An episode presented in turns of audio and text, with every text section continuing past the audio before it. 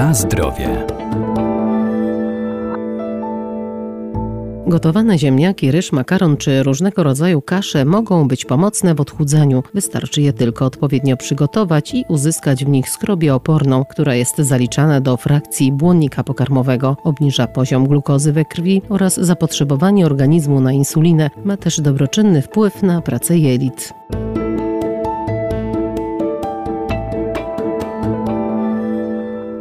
Skrobia to węglowodan złożony, który stanowi jedno z najważniejszych źródeł energii w naszej diecie. Obecny jest przede wszystkim w ziarniaku zbóż, a także w ziemniakach. Skrobie jest to węglowodan złożony. Wiemy, że węglowodany powinny być głównym źródłem energii w naszej diecie. 50-55% energii w dobrze zbilansowanej diecie zdrowego człowieka powinno właśnie pochodzić z węglowodanów, w szczególności z węglowodanów złożonych. Doktor habilitowany Aldona Sobota, profesor uczelni Wydziału Nauk o Żywności i Biotechnologii Uniwersytetu Przyrodniczego w Lublinie. Skrobia w formie natywnej jest w postaci granularnej, czyli w postaci takich granulek. Tworzą ją dwa polimery, amyloza i amylopektyna. Skrobia trawiona jest przez enzymy przewodu pokarmowego do glukozy i w wyniku trawienia uwalnia się glukoza, która jest to źródłem energii. Jeżeli chodzi o obróbkę hydrotermiczną e, surowców, to ta obróbka powoduje, że te granule skrobiowe początkowo pęcznieją, pękają,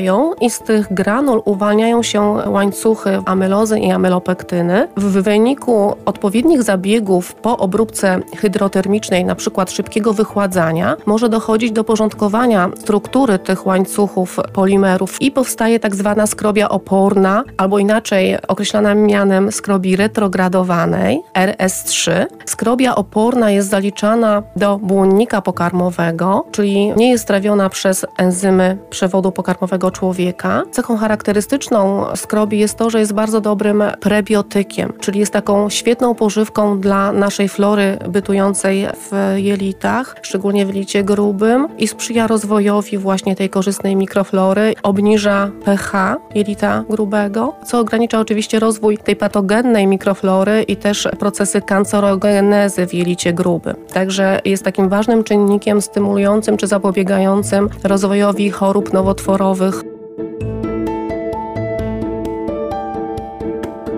Na zdrowie.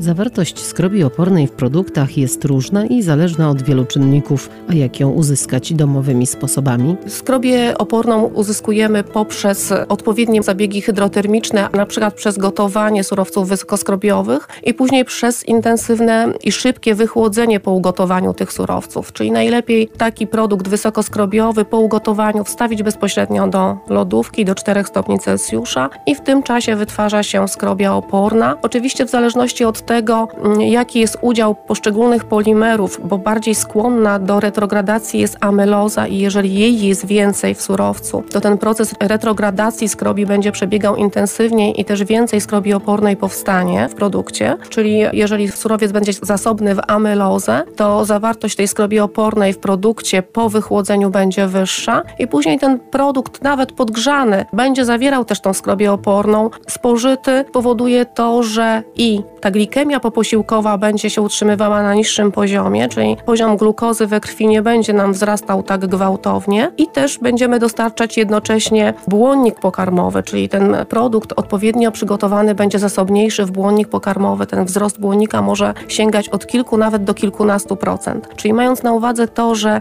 zapotrzebowanie dorosłego człowieka na błonnik dzienne to jest na poziomie 25 gramów, to spożywając na przykład 100 gramów produktu wysokoskrobionego który będzie zawierał już kilkanaście procent skrobi opornej, praktycznie w połowie nam zaspokaja to dzienne zapotrzebowanie na błonnik pokarmowy. I należy podkreślić, że ta skrobia oporna jest bardzo fajnym składnikiem błonnika pokarmowego, bo ona zaliczana jest do frakcji nierozpuszczalnej, ale zachowuje się tak jak ta korzystniejsza frakcja błonnika pokarmowego w naszym organizmie, jak frakcja rozpuszczalna błonnika. Także właśnie jest fajnym prebiotykiem, fajną pożywką dla naszych e, bakterii bytujących w świetle przewodu pokarmowego.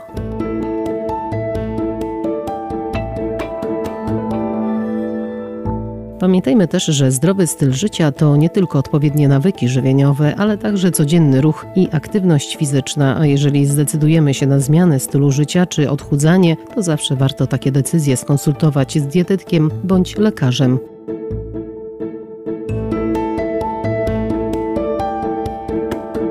Na zdrowie.